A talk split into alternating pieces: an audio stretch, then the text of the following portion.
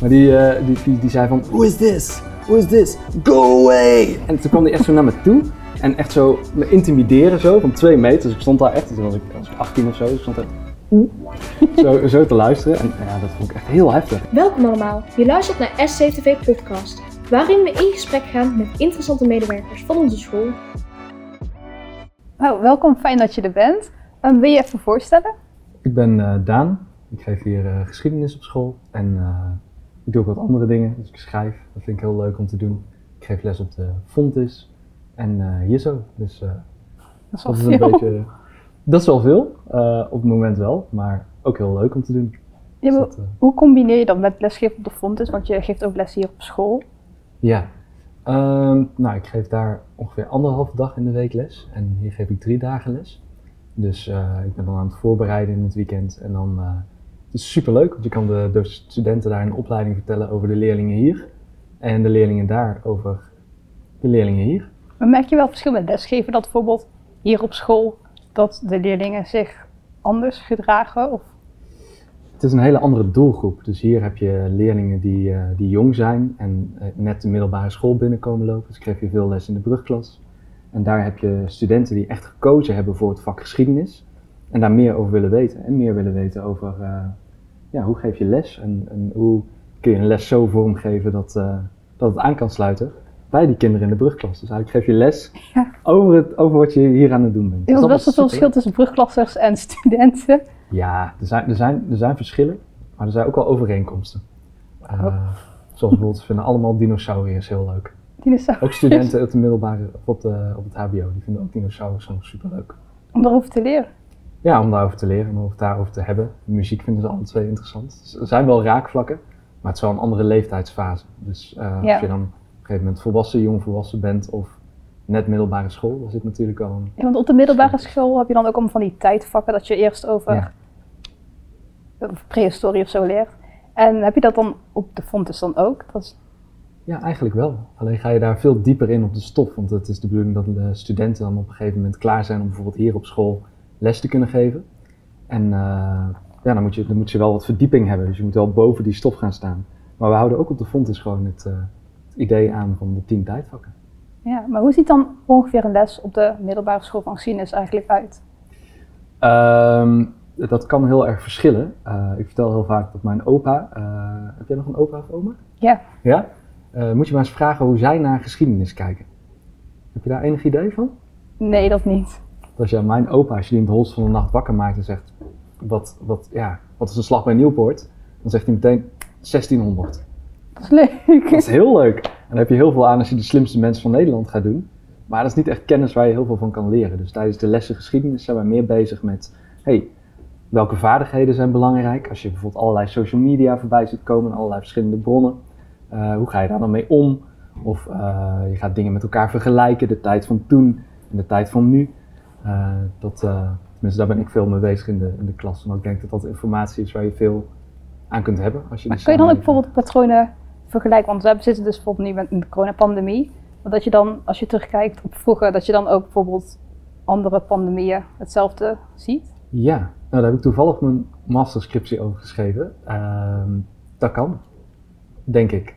Maar het is natuurlijk wel anders. Eh, Ja. dus, ja, dat is lastig. Wat denk, je, denk jij dat dat kan? Ik denk het wel, want ja, alleen technologie verandert, maar de mensen veranderen niet. Dus ik denk, ik weet niet zeker of het waar is, hè. Als er vroeger dan bijvoorbeeld mensen ook, bijvoorbeeld de plaag, als die bijvoorbeeld, dat, men, dat verspreidde ook heel veel.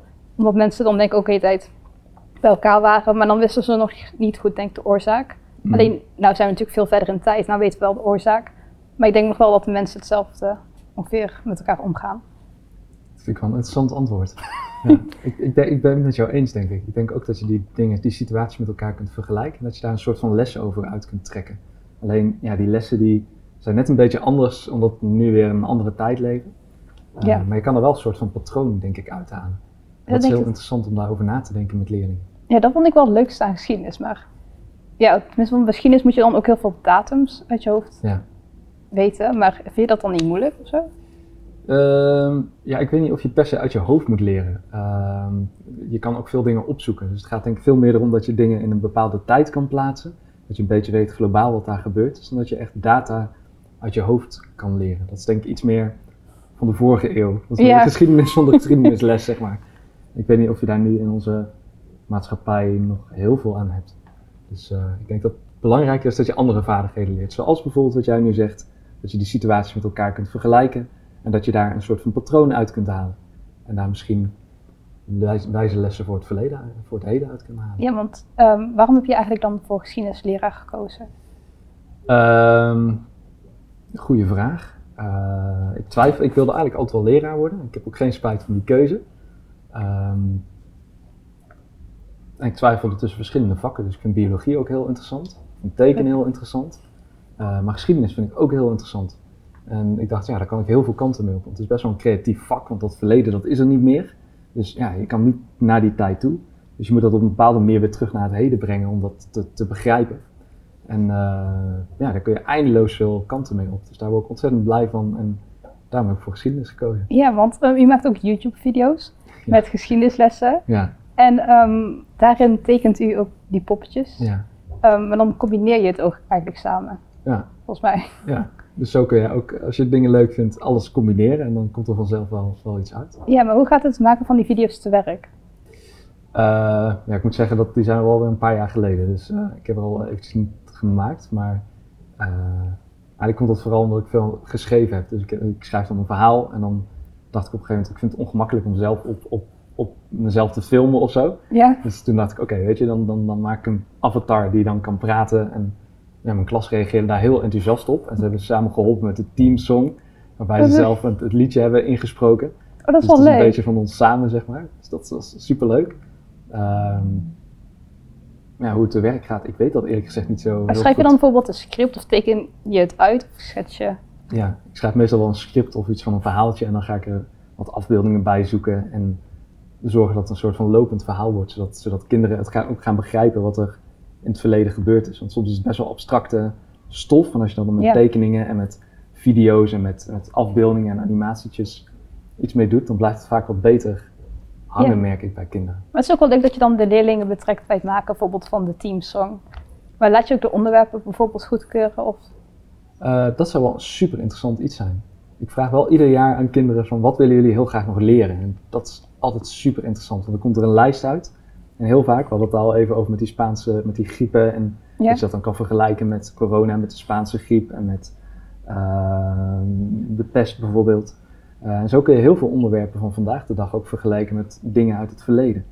Dus Ja. dat is heel interessant. En als je dan gaat vragen aan kinderen, hey, wat, wat wil jij leren? Dan maak je het wel gemotiveerd denk ik, voor de, voor de kinderen. Ja, want ik denk dat veel leerlingen, want ik zelf die gebruik ook best wel vaak YouTube, om nog bijvoorbeeld les, ehm, extra les te krijgen.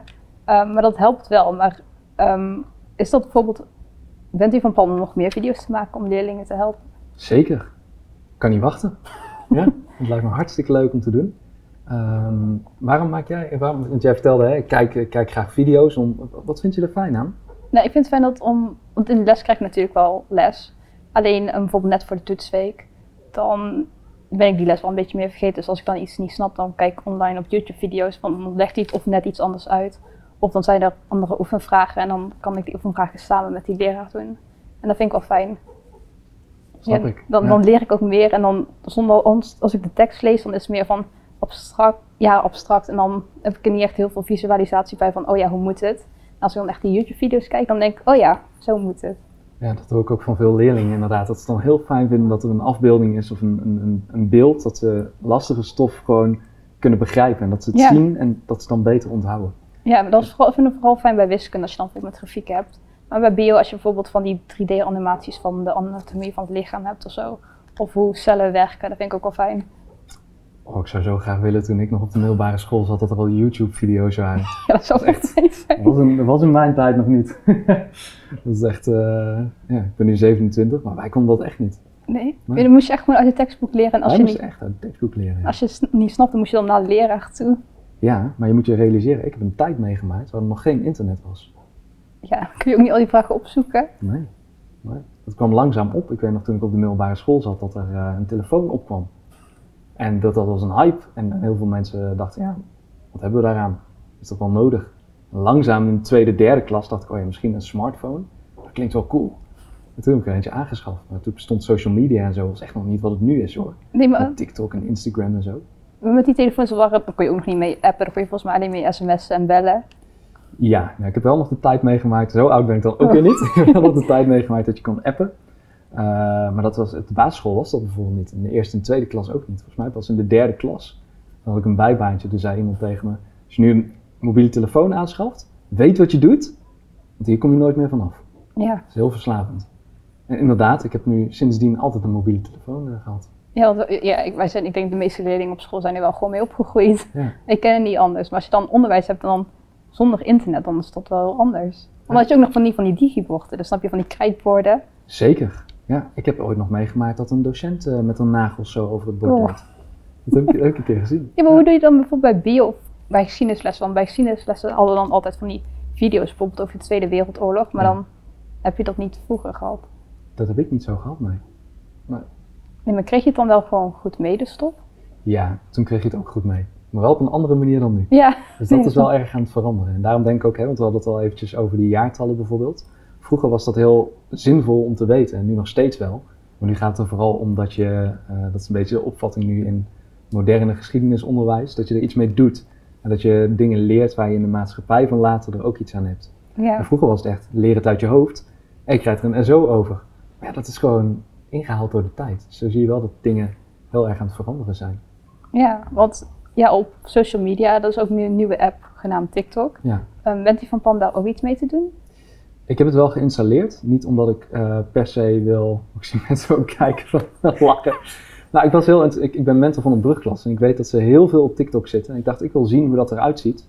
Eh, ik word gek van TikTok, want het is één, grote prikkel eh, over je heen. Met allemaal heel veel liedjes en heel veel, eh, ja, heel veel Dansjes? heel veel dansjes. Eh, maar het is wel heel interessant en het laat kinderen ook anders nadenken. Dus ik heb bijvoorbeeld laatst een gesprek gehad met kinderen dat ze aan zichzelf aan het filmen zijn, maar ze zijn tegelijkertijd ook anderen aan het filmen. Dus bijvoorbeeld hier een, een, wat?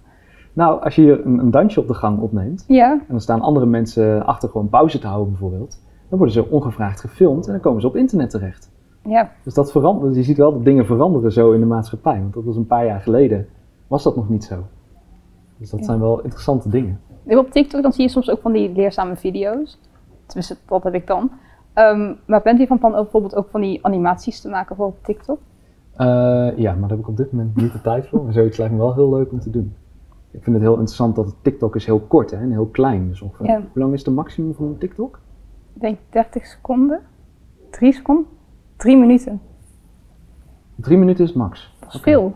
Ja, maar toch, hè, YouTube kan twee uur eh, als max. Dus het is toch veel korter dan, dan de filmpjes die op YouTube staan. Dus En dan zou, denk ik dan ook... zou je wel de, alle informatie die je eigenlijk, nou niet alle informatie die je in twee uur zou vertellen, maar wel de informatie zo concreet mogelijk in drie minuten, zodat Ja. de leerlingen het begrijpen. Ja.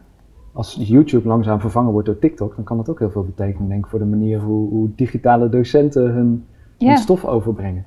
Dus dat is wel heel interessant, denk ik. Dat denk ik wel. Ja. Zit En- op TikTok? Nee, ik zit niet op TikTok. Nee, ik heb, ja, op Instagram heb je dan van die reels. Ja. En dan heb ik ook wel van die video's, maar dat is gewoon eigenlijk precies hetzelfde als TikTok. Ja. Waarschijnlijk krijg ik wel heel veel haat eigenlijk. dat ik die gebruik, maar ja. Nee, maar TikTok, ik vind het ook een beetje een verslavende app. En heel, ja, op zich is het ook heel veel positiviteit, maar stel je bent beroemd of zo, volgens mij heb je dan heel veel negativiteit. Dus, ik weet niet. Dat is een interessante, interessante vraag. Ik, merk wel dat kinderen heel erg met social media bezig zijn. Dat ze zich ook best wel onzeker op een gegeven moment over door gaan voelen. Dus ik had laatst, eh, we zitten natuurlijk best wel een gekke tijd met corona. Maar eh, ik had laatst aan de kinderen gevraagd of ze iets waar ze onzeker over wilden, eh, ble- iets waar ze onzeker over waren, of ze dat in een doos wilden doen. eh, anoniem. En eh, dat, we dan, dat ik dan zeg maar de, het kind ben en zij de ouders. En dat zij mij advies mochten geven. Ik had een doos met allemaal vragen die, waar ze ja, bang van worden of wat ze onzeker maakten. Dan zie je dat social media heel veel kinderen best wel onzeker ook maakt. Dus Ja. eh, sommigen zeggen ik voel me niet mooi genoeg of niet knap genoeg. Het zijn allemaal influencers en die hebben meer volgers. Die hebben een mooiere neus, betere tanden, bla bla bla bla bla. Maar dat is wel echt heel erg aan de gang in, in onze tijd. En ook eh, in de brugklas. Dat is wel iets waar we denk ik op school heel weinig over hebben. Wat wel echt heel erg leeft in die kinderen. Want als je dan vraagt van, hé, hey, ik voel me heel onzeker. Wie heeft dit ook? Dan steekt de hele klas zijn vinger op. Dat is wel iets waar ik me... Dan als zit je allemaal in hetzelfde schuitje. Ja, en zo zijn er wel meer dingen in deze tijd waar, waar kinderen best wel last van hebben. Ja, want u bent ook leerlingcoach, toch? Ja. Ja, ehm, als leerlingcoach, kunt u daar dan ook iets doen? Of heeft u een manier gevonden om daar iets aan te doen? Ja, sowieso zijn alle, alle leerlingen, alle docenten op dit moment leerlingcoach bij ons op school. Uh, je kan wel met kinderen in gesprek gaan. Ik denk dat het ook heel belangrijk is dat ze van elkaar zien dat de dingen waar ze mee zitten, dat dat niet iets is wat van hun individueel is, maar van heel veel kinderen samen. Dus veel kinderen die ervaren ook in mijn klas druk vanwege prestatie en van cijfers halen. Dat vind ik heel sneu dan, want dan, dan halen ze een 8 en dan zijn ze ontevreden, want ze wilden een 9 hebben. Een 8 is al een goed cijfer. Ja, dat vind ik ook. Uh, daar mag je heel tevreden over zijn. En, en, als ze dan van elkaar horen dat, dat ze dat allemaal hebben, of in ieder geval de, niet allemaal, maar de helft van de klas, dan zie je ook dat, dat, uh, ja. dat ze niet de enige zijn. Nee, ik vind dat doosweek eigenlijk best wel een goed idee, omdat volgens mij, ja, in, nu heb je het over de brugklas, maar volgens mij in 6 VWO hebben we, zitten we gewoon allemaal ook nog hetzelfde, denk ik. Dat onzekerheid en prestatiedruk, vooral prestatiedruk in verband met examens. Ehm, dan merk ik dan ook wel, maar als je dan bijvoorbeeld zo'n doos hebt, dan zou ik denk ik wel voor leerlingen gewoon Kijk, dan zie je meer mensen dat mensen ermee struggelen. Dus dan zou je verwachten, dan denk je, oh, het is gewoon normaal. Ja, precies. Dat, Dat- denk ik ook. En, en net zoals, hè, want we leven nu in een coronapandemie en er zijn best wel veel mensen die zich ook een beetje somber voelen en niet blij voelen, en soms niet uit bed kunnen komen. Eh, en dat hoort er een beetje bij bij deze tijd. Eh, en er zijn, ja, dat zie ik op het HBO, maar ook op, hier op het VO, dat er veel mensen zijn die, die het gewoon pittig hebben. En veel mensen weten dat van elkaar niet. Dus ik denk als je dat op zo'n Ja. anonieme manier doet, en je ziet in een klas dat er veel mensen zijn die daar last van hebben, dat het kan helpen. Het is geen oplossing, Nee. maar wel dat ze het van elkaar horen. Dus ik denk dat dat wel belangrijke thema's zijn waar we het op school Ja, over moeten hebben. Want het is gewoon een pittige tijd voor heel veel jonge mensen. Dat had ja. ik ook opgegeven dat ik daarover wilde praten. Want dat, dat, dat, ma- dat maakt me wel zorgen over. Dat vind ik, eh, vind ik indrukwekkend voor jullie. Ja, het is best wel, op zich kan het wel een lastige tijd zijn. Omdat, ik denk vroeger, omdat je vroeger zei van ja, nog geen ehm, internet, dat het dan ook wel makkelijker, denk ik, op school zat. Dat je minder prestatiedruk hebt of minder onzekerheden. Ja, waarom denk je dat? Omdat je dan geen social media hebt. En wat, wat maakt social media dat je dat meer gaat ervaren, die, die prestatiedruk en, en zo? Nou, ik denk bijvoorbeeld, stel je hebt iemand op social media en ehm, die laat zien dat hij allemaal goede cijfers heeft. En dan zie je jouw cijfers en dan denk je van, hmm, misschien had ik toch wel iets beter kunnen doen. Dan ga je meer studeren. Alleen soms, als je gewoon als je best doet, dan je kan niet meer doen. Ja. En als je dan een slecht cijfer haalt, ja, dan is het maar zo. Ehm, maar dan voel je dan wel slecht daardoor. Ja. Ja, ik denk dat dat klopt. En dat gaat over cijfers, maar dat gaat bijvoorbeeld ook over uiterlijk van mensen. Dat, dat zie je ook heel veel in de brugklas gebeuren. Dus ik denk dat dat op heel veel vlakken meespeelt. Ja. En wat, wat zijn je nog meer eigenlijk je taak als leercoach? Eh, nou, een beetje de, het kind in de gaten houden, of de leerling in de gaten houden. Dus eh, sommige leerlingen die hebben een vraag waar ze tegenaan lopen op school. Eh, en dat is weer een andere vraag dan wat andere kinderen tegenaan lopen. Dus als je individueel met kinderen praat, kun je kijken van oké, waar zit jij mee? En hoe kan ik je daarbij helpen? Of hoe kunnen we naar een doel toe werken en stapje voor stapje dat doel gaan bereiken? Dus ik had bijvoorbeeld net een gesprek met een leerling en die staat perfect voor allerlei vakken. De, de, het, het laagste gemiddelde was een 7 plus. Oh, En die had gewoon echt. Ik zie hier allemaal mensen kijken van, is dat mogelijk? Jazeker. Die heeft eigenlijk heel weinig uitdaging. Dus we kunnen misschien gaan kijken, hé, hey, wat kun jij doen om daar, om daar ja, beter in te worden? Want ik heb zelf tijdens dat gesprek gedeeld dat ik begonnen ben met schrijven op de middelbare school. En ik denk daar nog heel vaak aan terug, want toen ik in de tweede zat, in de derde, ik weet even niet precies zeker, ben ik begonnen met een blog. De eerste stukjes waren verschrikkelijk, maar ik dacht, hé, hey, hoe moet ik schrijven? Dat lijkt me leuk om te leren. En dat heb ik heel veel jaren gedaan. Ik merk nu dat ik daar heel veel plezier van heb en er uh, heel veel profijt uit haal. En dat heb ik gedaan omdat ik op een gegeven moment dacht, oké, okay, dit wil ik leren. Hoe kan ik dat gaan leren? En zo heeft iedereen wel iets waar, waar zijn hart sneller van gaat kloppen. ja. Ik denk dat dat belangrijk is om te achterhalen. Daar kun je als coach bijvoorbeeld bij helpen. Om, hoe kun je dan, als je bijvoorbeeld wil, wil, wil video's wil leren maken of uh, wat is jouw hobby? Ja, gewoon video's editen, foto's editen. Oh echt? Nou, wel een coole hobby. ja. Ja, En misschien, er was ook een tijd dat je niet wist hoe je een video moest editen. nee. Ja. Nou ja, en- tenminste, je hebt ook programma's, bijvoorbeeld je hebt iMovie, maar dat is gewoon, kun je gewoon video's importeren, dat is makkelijk. Ja. Als je bijvoorbeeld, um, bijvoorbeeld bij SCTV gebruiken wij Premiere Pro, dan moet je echt die video's, die moet je gewoon eerst wegsnijden en dan kun je nog animaties toevoegen en zo. En dan begint allemaal een heel nieuw level van wat je allemaal kan begrijpen en zo. En dat is wel, vind ik wel leuk om te leren. Ja, dat is te gek. Ja. Dat, dat, dat, is ook heel motiverend. want Dan, dan kun je het nog niet. En dan ga je daaraan beginnen. En dan is er een tijd dat je het wel kan. Dat je er goed in bent. Dat je zelf video's daarin kunt maken. En dat is wat leren is. Ja, maar Ja. zelf vind ik het ook leuk, want met video's editen, dan kun je ook bij films, dan weet je ongeveer welke trucjes ze gebruiken. Ja. En met greenscreens en hoe dat werkt. En ja, mijn, tenminste mijn goal is dan tenminste om ook, nou niet zo'n film te maken, maar wel gewoon om greenscreens te snappen. En dat het echt gewoon niet ziet dat het ja, gevideo geëdit is. Te gek. Ja, dat lijkt me ook super interessant. Ik heb, ook een eh, heb je al een greenscreen? Ja, dat wel. Je kan er ook een bij de markt halen. Dus dan heb je van die doeken en die kosten dan 10 euro per 3 vierkante meter. Dat is dan 10 euro. En dan heb je een heel groot lichtgroen doek. Veel lichter dan deze kleur. En daar kun je een greenscreen van maken. Ja, maar dat is eigenlijk zo, zo simpel gedaan. En voortaan heb je ook al van die apps en dan kun je makkelijk je greenscreen weghalen. Maar ik vind het wel fijn dat bijvoorbeeld onze school, die heeft dan SC, SCTV. En ehm, daar leren we dus ook met, met ja, bijvoorbeeld met greenscreens saberen ook. Ja. Dus leren we dat ook allemaal. Dat, Dat is te gek dat je dat ook gewoon gaat doen. Dat Omdat dat- jij, je vindt dat leuk. En je gaat mee in zo'n groep. Dus je leert kinderen kennen en, en klasgenoten kennen. En meneer Van der Klundert kennen. En je leert er allemaal dingen over. En ik kan me ook voorstellen dat je gewoon heel anders naar de wereld gaat kijken.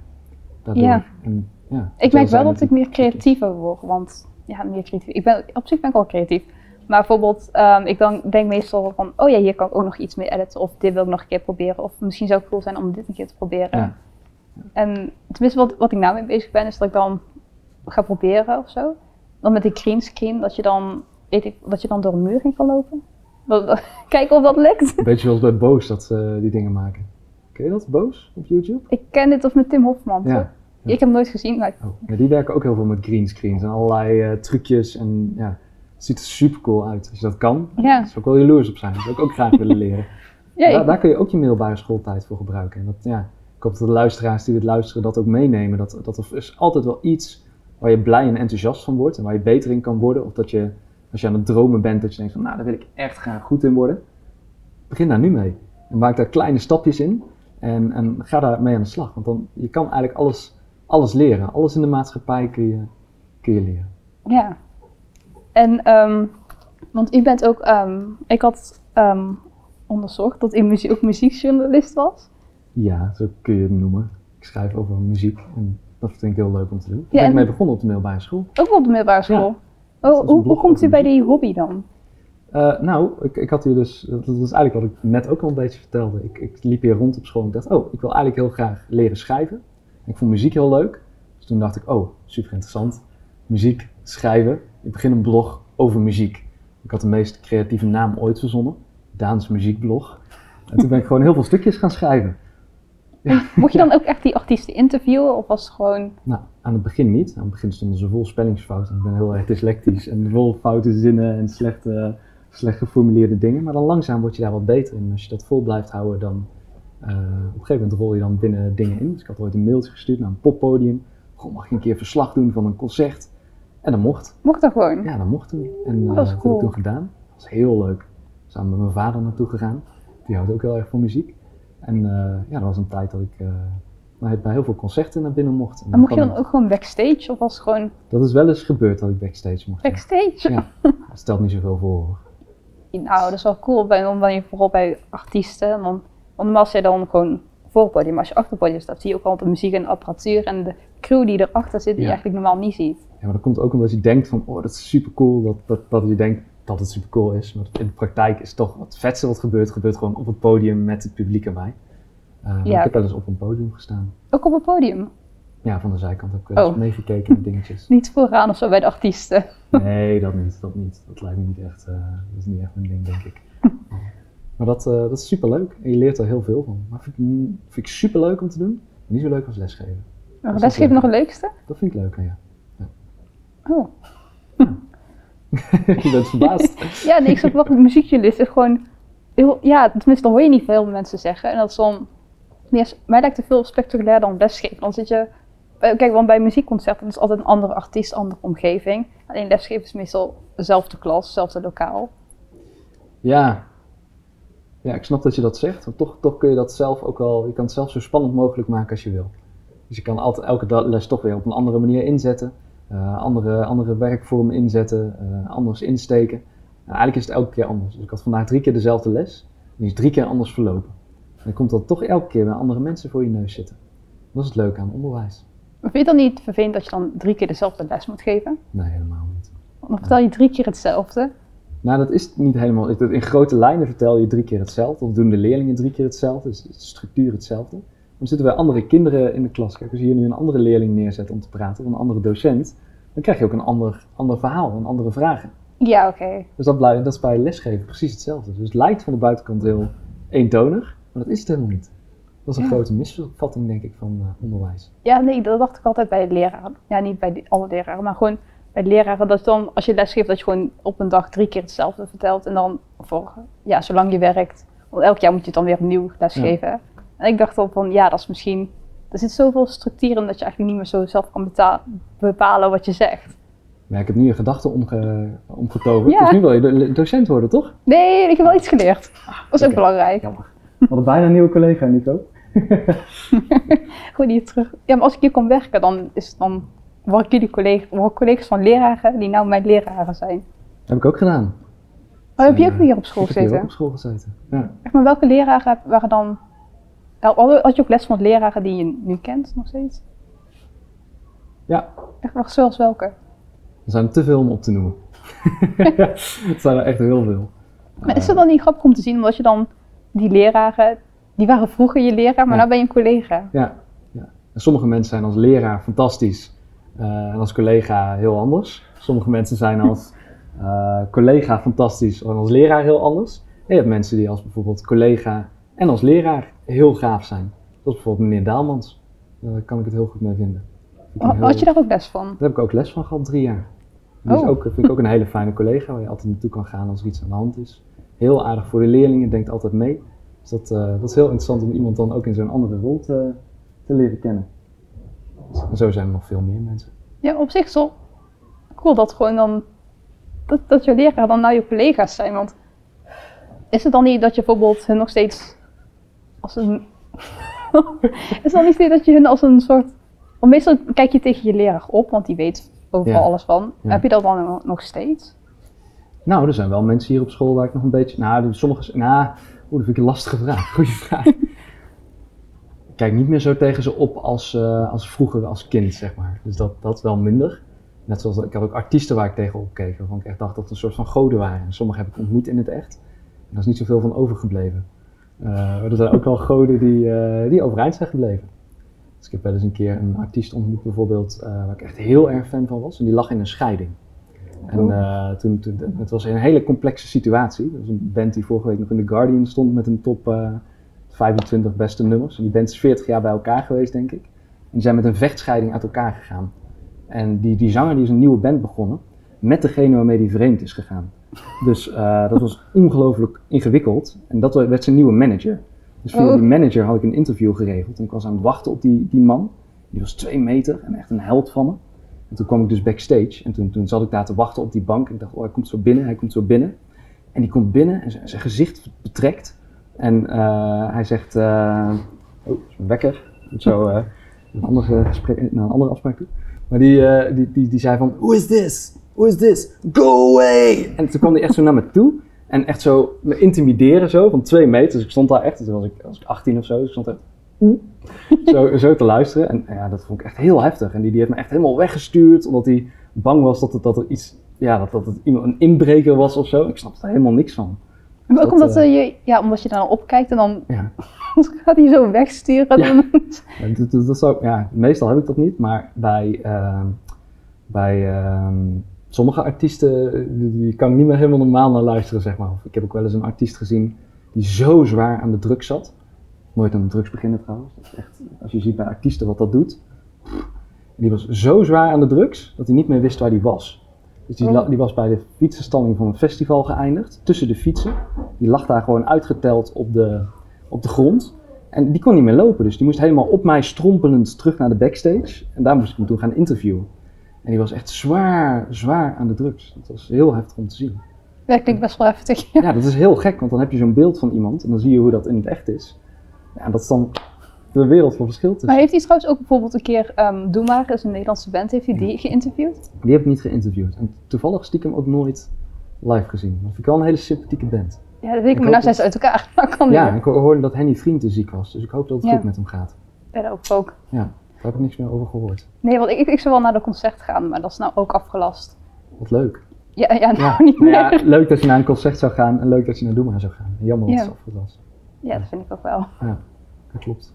Ja, bedankt voor, ehm, voor deze podcast en dat u erbij Ja. wilde zijn. Ik hoop dat ik geen stomme dingen heb gezegd. Of dat het een beetje zinvol was. dat het leuk is om naar te luisteren. Nee, wel leuke verhalen. Maar vooral van, fijn. van uw opa en van die artiest wat hij dan allemaal heeft meegemaakt. Dat hoor je meestal niet. Tenminste, als iemand zegt muziekjournalist, dan denk je, oh, hij gaat gewoon backstage interviewen. Maar als je dan die verhalen hoort, dat je dan iemand gewoon, die artiest hebt geholpen met, ja, naar backstage gaan.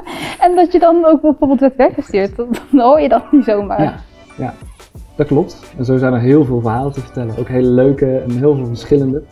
Ehm, Dat is wel interessant. ja, je stelt leuke vragen, dus dankjewel daarvoor. Oh, ja, dankjewel. Ja. Ehm tune de volgende keer in voor de volgende podcast. En tot de volgende keer.